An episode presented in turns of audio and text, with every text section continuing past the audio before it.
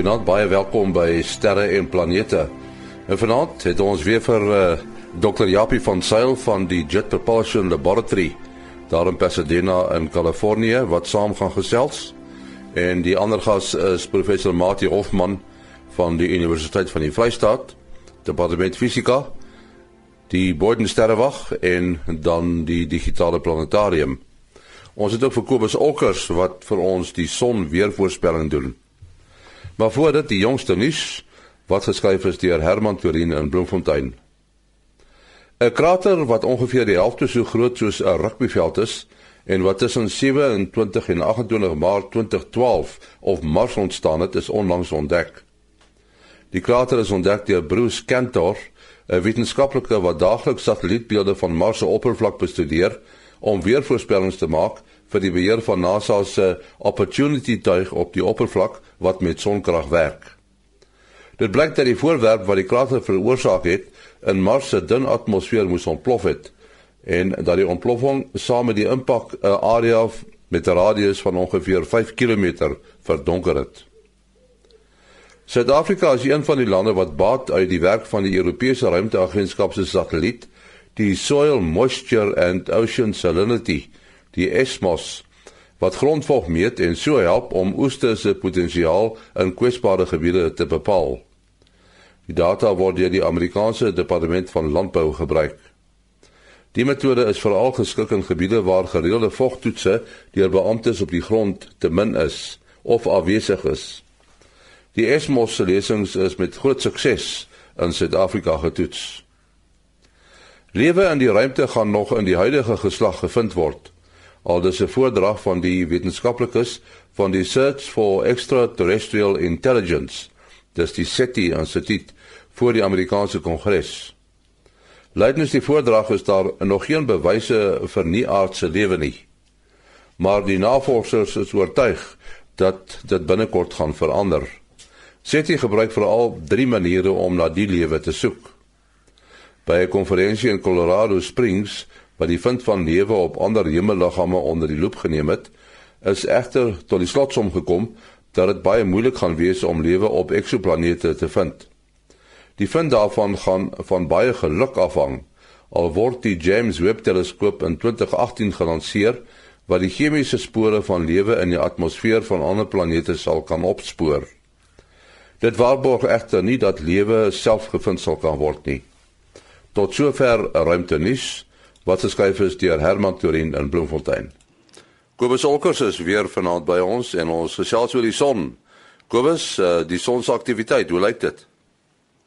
Goeienaand Henny en goeienaand luisteraars. O, die son is nou besig om vir 'n bietjie rustig te raak. Dit lyk vir my na 'n redelike korttermyn ding, maar 'n korttermyn in terme van die son is natuurlik dalk 'n paar weke. Uh maar dit lyk definitief asof ons magnetiese kompleksiteit uh redelik sak. Ons het nog steeds uh, as ek nou vinnig kyk 1 2 3 4 5 6 7 8 uh aktiewe areas op die son, maar nie een van hulle is magneties hoegenaamd kompleks nie wat beteken dat die magneetveldlyne konsentreer nie en as hulle nie konsentreer nie dan kan hulle nie breek nie soos rekkies nie en as ons nie as hulle nie breek nie kry ons nie vakkels nie. So magneties gewys redelik stil. Ons het 'n enkele koronagaatjie of twee ehm um, redelike groot aan die suidelike by die suidpool van die son, maar die twee wat geo-effektief is is baie klein. Uh ons radioamateurvriende kan waarskynlik ietsie voel hier teen Woensdag, Donderdag se koers daarvan. Ek het die idee die agtergrondgeraas gaan 'n bietjie opgaan, maar ek glo nie die frekwensies gaan veel verander nie. Dan wat uh, filamente aanbetref, is ons ook redelik stil. Nou ons luisteraars sal onthou as hulle dalk teenoor deur mekaar raak met al hierdie terminologie wat ons gebruik. Uh 'n filament is 'n ding soos 'n 'n berg van plasma wat op die son ronddryf. Dit is waar twee uh, teenoorgestelde magnetiese areas uh wat nou oor ten minste 'n kwart of so van die son se se oppervlakte strek het jy sien nou maar aan die uh ooste kant het jy 'n noordelike oriëntasie en in die weste kant het jy suidelike oriëntasie en waar die twee bymekaar kom druk hulle die gelaaide plasma letterlik in die lug en en as op 'n foto lyk dit soos 'n berg wat daar op die son staan. Ehm um, van hulle het ons maar 'n enkele enetjie ook net noord van die son se ekwator. Wat glo effektief is op hierdie stadium as hy sou val, kan ons ligte versteurings kry met ons uh, internet waarskynlik, maar dit sal omtrent al wees. So dit is ons storie vir hierdie week. Jou besonderhede? Dit is 'n uh, Kobus Kobus Olkers ja by gmail.com dis k o b u s o l c k e r s by gmail.com Ons sê dankie aan Kobus Olkers daar in Florida in Amerika. Ons het uh, soos gewoonlik hier aan die begin van die maand het ons vir uh, Japie van Sail daar van uh, van die Jet Propulsion Laboratory in Pasadena, Kalifornië en ons het vanaand vir professor Mati Hofman Universiteit van die Vrystaat, die Boyden Sterrewag en die Digitale Planetarium. Jappie, uh julle het nou ander projekte en ek het al dikwels gewonder hoe weet jy wanneer om aan watter projek aandag te gee? Jong, dit gaan gewoonlik maar so die die die een wat die naaste is aan lanseer is die een wat ons gewoonlik die meeste aandag gaan gee.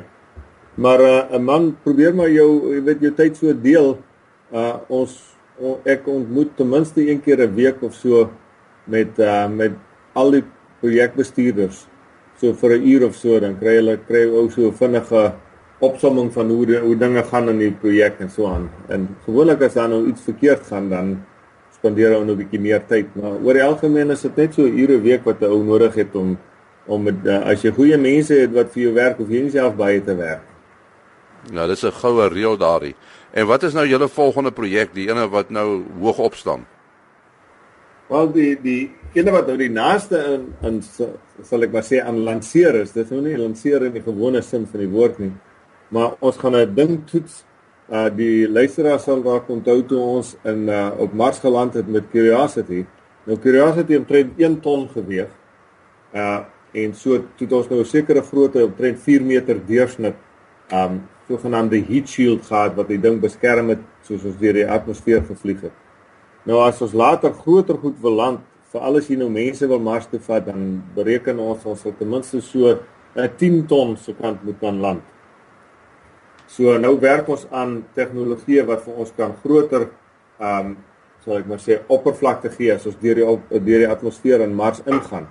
En so ons toets binne 2 weke hier een wat ons van Hawaii af gaan toets en dan die ding word gelanseer op 'n groot ballon wat dan stadig maar seker opstyg in die atmosfeer en wanneer hy dan in ons atmosfeer kom waar hy omtrent dieselfde ehm um, digtheid is as wat Mars se atmosfeer is dan sal hy die ehm um, die ballon om laat gaan en dan sal ons 'n vierpyl engine aan uh, aansit en dan vlieg ons nou terug in die atmosfeer in en dan gaan ons die ehm um, hy is ongeveer so 8 meter in deursnit nou wat dit ding die ding interessant maak dit is Hy is nie 8 meter soliede uh, oppervlakte nie. Hy's 4 meter in die middel met so 'n ring rondom hom. Lyk omtrent soos 'n vleiende piering, maar die die ring rondom hom is eintlik 'n ding wat kan opblaas. Sodra jy dan in die atmosfeer inkom, dan blaas hierdie ding op en maak hom twee maal so groot as wat hy werklik is. So ons noem dit die large uh, deployable supersonic decelerator. Hy word nou, soos ek sê, dan binne 2 weke gelanseer. Dan toets ons die eerste een en dan sal ons uh, weer 'n jaar of so van nou af nog twee sulke vlugte doen om seker te maak die ding werk perfek. Die eerste een is nou maar net om bietjie te leer hoe hoe die ding sal uh deur die atmosfeer kom en uh hoe dinge uh, jy weet metings te doen terwyl ons die atmosfeer inkom. En van watter materiaal word so 'n ding gemaak? Jong, dis 'n baie spesiale um uh, materiaal wat ons oorspronklik eers um getoets het met 'n met 'n vuurpyl op op 'n soos op 'n treinspoor omtrent. En dan trek hy nou die ding, ja, hy ry so op so so dit lyk amper soos die ou ou dae het was 'n koekepanne gehad wat so op die op die treinspore rondgery het. Ja. Nou hierdie ding is hy het nou net 'n vierpyl engine aan, so jy kan nou lekker dink hoe vinnig kan 'n man dan op die trein treinspoor loop. So dis 'n opgetoets. Dis 'n baie spesiale materiaal uh dat sal ek maar sê baie dik materiaal en dan moet hy natuurlik baie hoë temperature kan weerstaan want as hy sou deur die atmosfeer inkom verhit daai ding tot ongeveer 2500 grade so in in Mars se atmosfeer. Hier in die aarde sal hy nog hoër wees. En weeg hy baie? Nee, hy weeg hy weeg nie so baie nie. Hy is is eintlik baie lig. Hy weeg 'n uh, paar honderd uh, kilogram maar. Die totale ding natuurlik met al die elektronika in en so aan. daar's nou iets wat ek nou al baie oor gewonder het, het as mens nou teruggaan daarna uh, ek dink Januarie 2004 toe hulle met die vorige rover Spirit and Opportunity daar op Mars geland het, toe hulle 'n uh, 'n metode gehad, ek weet nie of hulle beplan om dit weer te gebruik nie, wat hulle sulke groot lugsakke opblaas rondom die uh, landingstuig of die uh, rover uh, met sy hoofstasie en toe het hy nou so geval en gehop soos 'n groot bal en gehop en gehop en gerol gerol tot uiteindelik gestop het en toe het hy nou oopgevou en opvloei. Uh ek het nou maar net animasies gesien van wel niemand was daar om die werklike video's te neem nie, maar die ek dink is baie beroemde animasies wat reg oor die wêreld gewys is uh van hoe hierdie proses verloop het. So is eintlik ongelooflik dat so iets enigstens kon kon uh, kon werk, weet. Uh nou wonder ek as sien nou mense sou 10 sulke landings uh hey weet wat is die kans dat iets kan fout uh, gaan en dan vir my die wat ek ook nogal graag sou weet is maar daar al daai elektronika wat daar's optika en kameras en rekenaars uh weet sensitiewe toerusting weet hoe hard kan so 'n ding val en nog werk na die tyd Ja kyk ja dis 'n baie goeie vraag uh eers laat ek eers vir die vraag beantwoord omtrent uh, uh, hoe uh hoeveel as jy 10 keer geland het hoeveel keer sou jy gewerk het Maar ons het dit natuurlik baie baie getoets voordat ons uh, die, dit Mars toe gestuur het. So ons het dit heel wat meer as 10 maal getoets. En aanvanklik het ons maar probleme gehad. Dit het nie altyd reg gewerk en so aan nie. Soms het die het die die uh, die buitekant is sal ek maar sê die die vel van daai van daai uh, ballonne het, het geskeur en so aan. Ons het natuurlik getoets op um, op uh, oppervlakte met klippe en sulke soort van goeders. Uh en maar ons het uiteindelik die dinge al die probleme uitgewerk gekry en soos jy gesien het, het hy twee maal perfek gewerk en dan voorheen het ons nou ongeveer uh, 10 maal of so, 10 ten minste 10 maal getoets wat hy perfek ook gewerk het. So ons uh, ons dink is natuurlik 'n baie ja, goeie manier om dit te doen. Die probleem met met daardie op uh, metode was jy kan nie verskriklik baie um massa land met dit nie. So ongeveer 'n paar honderd kilogram is die meeste wat jy kan doen ons kon nie curiosity was te swaar om daarmee te land. Jy het sal, sal sulke groot sakke nodig gehad het dat ons kon of die rower gevat het of die sakke gevat het. En, en toe het ons nou maar besluit om die rower te vat want hy kan bietjie meer werk doen as die sakke. Die die grootste ehm um, die grootste probleem met daardie uh, landingmetode is uh en sou ek sê die grootste risiko met dit is dat die dat jy nie die rower op die oomblik uit die sakke uit kan kry nie uh, as jy luisteraars mooi onthou jy die, die animasie wat jy na verwys het uh op die ouend uh, as jy nou geland het dan moet jy probeer uitfigure watter is nou die bokant en wat is die onderkant van die rower. So die manier mense het baie vir my gevra hoe het julle geweet hoe het julle die ding so gekry dat die die rower wooi regop staan? Ons het spesiale goed ingehaal wat kon meet of hy op of jy weet watter sy bokant is. En as jy nou mooi daaroor dink daar was 'n klomp individuele balle wat die groot bal gevorm het. So wat jy doen is jy die die manier waarop jy die balle afblaas. Kan jy mooi dink as jy hulle hulle regte volgorde afblaas, dan kan jy die ding ding so 'n bietjie rol terwyl jy hom afblaas. En dis hoe ons dit op die ouend gedoen het om seker te maak die rowers is dan die regte kant op, bokant toe. En dan wanneer jy die ding dan moet oopmaak, dis die groot probleem. As hy dan nie wil oopgaan nie, dan sit ons met die rower op Mars, maar ons kan nie nie. So dit wat hierdie ding wat ons vir curiosity gebruik het, dit lyk natuurlik nou baie erger, maar dit is in daai opsig het hy baie minder risiko want jy weet jy sit die ding op Mars neer en jy kan dadelik ry. Daar's nie iets wat hy eers moet oopmaak en dan kan uitklim en sulke soort van goed. Maar is dit 'n duurder metode dat hulle dit nie altyd so doen nie of soos hulle curiosity laat land het? Nee, dit was maar net 'n dit was 'n nuwe metode. So jy weet dis nou 'n ding wat ouens op uh, uitgedink het nadat ons toe besef het die ding gaan te groot wees om met die met die ehm uh, vorige manier te land. Maar die groot rede waarom ons dit so wil gedoen het, ons ons soek iets wat jy kan opskaal natuurlik. As jy moet uh, baie sê nou so 'n maar 10 ton moet loop land. En die soos ek gesê die die lugballe was alreeds nie prakties meer vir curiosity nie. So jy kan dink as ons nou 10 maal soveel soos curiosity moet land terwyl hierdie soort van vuurpyl wat waarmee jy die ding kan gaan gaan stop bo kan die oppervlakte dit kan 'n mens opskaal sodat uh, dat jy wel groter massas ook kan laat Ja ek wou vra die curiosity met die sogenaamde sky crane Dit is tog die ehm uh, gravitasie van die planeet wat dit wat hom aftrek. Hoe maak julle voorsiening want die gravitasie van Mars is natuurlik anders as op die aarde? Ja nee, kyk jy, dit is natuurlik baie fyn berekenings wat jy moet doen, maar dit is dis 'n uh, basies die die verskil is soos jy sê, sodra jy nou die die kabel begin af afsak, dan jy het 'n jy het 'n bietjie van 'n beheer as jy mooi daaroor dink, want jy kan die vuurpyle so so bietjie vet gee of of meer of minder vet gee. So as die ding te vinnig sak, dan lig jy die lig jy hom so bietjie by die vuurpyle op. So jy jy het 'n motortjies wat vir jou sê hoe vinnig die kabel uitgaan. So as die kabel te vinnig uitgaan, dan gee maar net so bietjie meer vet met die vuurpyle om dit te om dit te te werk. So dit is eintlik 'n baie goeie stelsel as jy as jy dit so dink. Daar's baie maniere waarop jy die ding kan beheer, die spoed waarmee jy die ding land kan beheer. En uh hoe gaan dit met Curiosity want ons hoor nie meer veel van hom nie. Nee, dit gaan baie goed. Ons het op 'n stadium so 'n bietjie probleme gehad. Um wat die uh, die klippe gate in die wiele gesteek het. Uh dit het ons toe nou op die ouend hier uitge, uitgewerk. Dit is 'n 'n 'n deel waaroor ons gery het waar die klippe Nou meeste van die plekke op Mars is die klippe lê die klippe los, sal ek maar sê, is los klippe wat op die grond lê. So as jy nou met die 1 ton rover oor hulle ry, dan gee die klippe so bietjie mee en hulle gee pad so bietjie. Maar daar was 'n deel waaroor ons gery het, dis wat wat my bietjie aan die Namibwoestyn dink waar die waar die sout die klippe so oop kraak, dan kry jy verskriklike skerp stukke wat so opstaan. Nou dit is so deel waaroor ons gery het waar die um, die klippe baie skerp is en hulle is, is sal ek maar sê meer solied. So hulle het nie meer gegee nie. Dan steek hulle gate in die wiele. So nou het ons daarom uitge uh, die ding soort van die die uh met die kameras kan ons nou die soort van terrein herken en dan vermy ons dit nou maar net. So ons kom nou al baie naby in die berg. Die manne werk natuurlik nou soos 'n soos ek altyd vir die mense gesê het, jy het is jy het 'n uh, wêreldwye span van wetenskaplikes en elke man wil elke klip bekyk. So dit vat so 'n bietjie langer vir ons om by die berg uit te kom, maar ons ons is nou sterk op pad. Uh, ons is nou al sal ek maar sê by die by die voet van die berg. En hoe hoog is hy?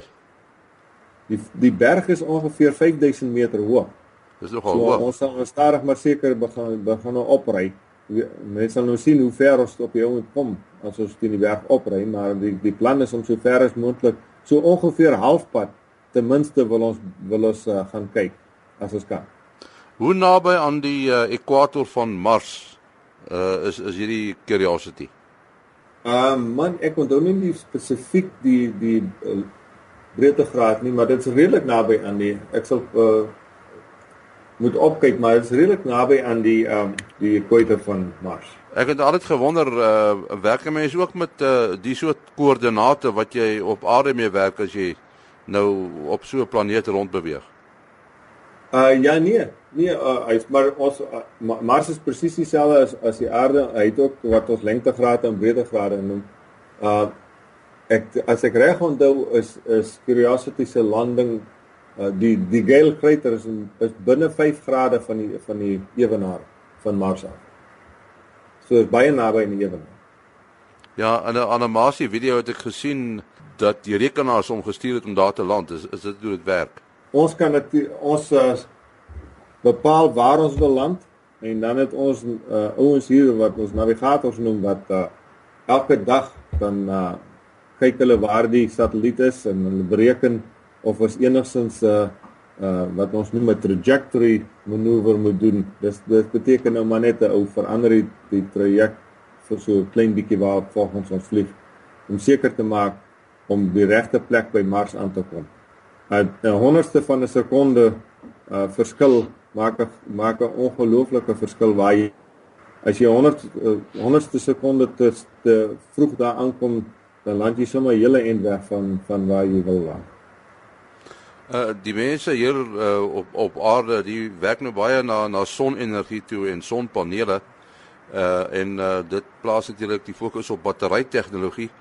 Die soort batterye wat op Curiosity is uh uh, is dit sogenaamde deep cycle batterye of uh is dit lithium batterye of is dit ander spesiale goed? Ons gebruik gewoonlik lithium ion batterye vir vir die soort van uh sendings want hulle is uh, ehm um, hulle is die soort van uh die regte tegnologie vir ons. Dit is oorspronklik hier by JPA ontwikkel, maar toe het ons nou met 'n maatskappy, Amerikaanse maatskappy gewerk wat dit nou hulle um, sal ek maar sê maak nou die goed kommersieel. So ons kan dit nou weer terugkoop by hulle.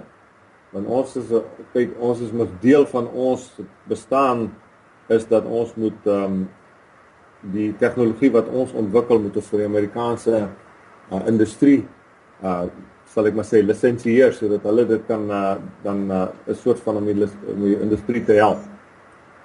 Maar natuurlik Curiosity is kern aangedrewe, maar die volgende ene gaan nou weer sonpanele hê. Ja. Ja, die die volgende een sal heel waarskynlik weer sonpanele dra. Die die kern um bronne is maar uh, jy weet mense dink nou dit is nou so ongelooflike kern um bron wat so lank kan aanhou en so voort. Maar um hulle het ook maar hulle eie probleme, jy weet jy moet so versigtig wees as jy lanseer en daai soort van goed. En ons weet nou op Mars die daar's genoeg wind op Mars wat die wat die sonpanele redelik gereeld skoon by. Uh so die sonpanele is nie soveel van 'n probleem meer nie. En natuurlik die sonpanele raak al baie meer um effektief die die uh wat hoe hulle die son krag omsit in elektrisiteit so dit uh die sogenaamde high efficiency sonpanele wat ou nou kan kry is baie beter as wat ons net 10 jaar gelede gehad het. Die uh dit is nogal interessant as mens nou by al die uh materiale, energiebronne en die elektronika en so aankom is om 'n begrip te probeer kry vir die die omstandighede wat hulle kan weerstaan. Uh byvoorbeeld op Mars het 'n mens nou sê jy het nie atmosfeer wat uh dit beskerm teen hoë energiestraling nie en jy kan ekstreme temperature kry. Ehm um, en jy kan tydens die landingsproses nou nie in die geval van Curiosity nie, maar die vorige rovers uh kan jou toerusting baie hard land. Uh weet wat wat is die tipe van limite waarin uh die materiale in die stelsels kan kan aan die werk bly? Ja, kyk ons to toets natuurlik baie baie sterk daarvoor. Vir enige iets wat ons uh, moet so maar vir die landing skok en so aan, moet jy bewys uh, tipies dat hy 3 mal die die soort van uh, skok wat ons verwag kan kan weerstaan. En byvoorbeeld die lengte van die tyd moet jy toets vir ten minste 3 mal die die leeftyd van die panele en so aan. Uh ons natuurlik nou 'n satelliet op pad na na Jupiter toe. Dit sal dit sal die eerste satelliet wees wat om Jupiter gaan wat sonpanele gebruik. Dus Juno is die satelliet se naam. En ehm um, dit hy gaan natuurlik in 'n ongelooflike wat ons so hostile environment wees want Jupiter het 'n verskriklike sterk magneetveld. Wat beteken daar's ongelooflike ehm um, radiation daarso op ons sonpanele. Heel wat meer as wat ons op Mars byvoorbeeld sal verwag. So en baie baie laer temperature is wat jy op Mars natuurlik sal kry. Maar soos ek sê, ons het dit uh, getoets onder daai omstandighede en uh, hulle dit alles weerstaan. So ehm um, ons bepaal maar elke slag wanneer 'n ou na, na 'n nuwe plek toe gaan soos nou met Juno daar na na Jupiter toe, dan uh, moet jy vir die eerste maal bewys dat die panele kan die uh, die omstandighede weerstaan. So ons ons het 'n ongelooflike toetsprogram. Dis dis 'n deel waarvan waarom satelliete so duur is is, is daardie verskriklike toetse wat 'n mens moet doen om te bewys dat alles sal kan werk. Dus uh, ek sê ook nou skieurig as jy nou praat van die sonpanele wat hulle dan nou daar in die ruimte invat, wat sou hulle effek, hoe sal hulle effektiwiteit nou byvoorbeeld verskil van wat ons nou hier in Suid-Afrika kan koop? Ek dink ons trek nou hierso iewers tussen sê 10% en 15% uh, van die son se energie wat effektief na elektrisiteit omgeskakel word. Het julle iets wat baie beter is of is dit net baie meer betroubaar? Wat sou die verskil wees tussen ek ek, ek, ek, ek kan my nou voorstel NASA gaan op die voorpunt te wees met die tipe tegnologie. Ja, ons doen natuurlik baie navorsing daaroor. Ehm um, daar is uh die sonpanele wat ons gebruik is so tussen 35 en 45% effektief. Hmm. Ehm um, ja maar dit dis dis natuurlik uh, baie meer gespesialiseerde goed as wat 'n mens uh normaalweg sommer so sal ek maar sê op die open mark koop. Uh hulle sal natuurlik uh in 'n paar jaar sal hulle natuurlik kommersieel beskikbaar word. Maar wat wat hulle basies doen is as 'n uh, as mens kyk hoe um sonpanele elektris uh sonkrag in elektrisiteit omskakel. Hulle gebruik maar die die silikon en so aan. En hoe hoe langer die golflengte van die lig hoe dikker moet die die substraat wees sal ek maar sê vir die ding om uh, effektief te werk. So die die goed wat so 10%, 15% is, dit tipies net een substraat. Die wat ons gebruik het tot 6 substrate wat dan nou aangepas is vir verskillende golflengtes. So jy gebruik elke stukkie van die lig um energie sal ek maar sê. Die kort golflengtes gebruik jy by die boonste laag en die lang langste golflengtes met die onderste laag en so aan. Ja die eh uh, nee, ek dink ons moet vir Japie oortuig dat dit tot hulle voordeel kan wees as ons daardie panele hier in die bloedige son en die baie koue winters van die Noord-Kaap en die Kalahari kan toets. ek is seker dit miskien moet ons so 'n toetsprogram begin, ja. ja, waarom nie? Ek wil net weer terugkom na Mars toe uh Mars se atmosfeer is nou baie minder as die van die aarde. Waar kom die winde vandaan wat ons op Mars kry? Dit is maar presies soos op die aarde. Dit is waar die uh die dele van van uh sal ek maar sê in die atmosfeer, daar's daar dele wat warmer is en dele wat kouer is. En hierdie verskillende die dele waar dit nou warmer styg, styg die lug 'n bietjie vinniger op. Alhoewel die die die die atmosfeer baie dunner is as op die aarde, dis nog steeds lig, jy weet. So dit ja. werk nog maar steeds op dieselfde beginsels. So dele waar nou 'n bietjie warmer is, lig die lug op en dan veroorsaak dit die winde. En dis die warrelwinde is maar die ding wat ons wat ons uh, sal ek sê ons panele vir ons skoon weier. Hulle kom elke dag omtrent daar verby. Ja, en natuurlik die grootste storm in ons sonnestelsel is die ene op Jupiter, net daai daai kol. Die sogenaamde red spot op ja. Jupiter. Ja, as uh das uh Hy is ten minste al 300 jaar lank wat wat daai storm daar al woed. Maar ek verstaan hy word nou begin nou merkbaar kleiner word. So oor 'n tydperk van elke paar jaar kan jy 'n verskil sien. Ek is nie bewus daarvan of hulle al die rede daarvoor uitgevind het nie. Dit is vir my in die eerste plek vreemd dat hy vir soveel eeue uh, kon bestaan. Uh, maar nou verander dit en uh, die amateursterrekundiges wat so gewoond is daaraan om na die rooi kol te kyk wat nie altyd vir ons baie rooi lyk deur 'n teleskoop nie, maar uh, dit sal nogal 'n groot gemis wees as daardie uh landmerke op Jupiter nie meer daar is nie. Ja, dit is nogal interessant. Uh, dis soos jy sê, ja, ek het van die foto's gesien wat lyk asof daar ander storms van hom af, sal ek maar sê, uh asof hy kleintjies gemaak het, maar klein klein stormpies wat dan nou so van afwyk van hom af. En uh, so dit is nog dit, interessant is ja. om te weet of of dit die rede is waarom hy asof hy kleiner word of nie. Ja, so die energie word dan verdeel. Ja, en ja. Dit, dit dit word nie net weggedreineer nie, maar okay, dit maak nogal sin. Nou ja, ongelukkig wat is uh haltroep uh Japie jou besonderhede? As uh my uh e-posadres is japiejpl@gmail.com. japiejpl@gmail.com. Mati? Uh my selfoonnommer 083 625 7154 083 625 7154 en die uh luisteraars kan ons gerus ook kontak en vra vra of bydraes maak op die sterre en planete Facebook bladsy. Dit is nogal baie interessant uh, wat se goeie bydraes ons luisteraars daar maak. My besonderhede maas.henny@gmail.com maas.henny@gmail.com Tot 'n volgende keer. Mooi dop.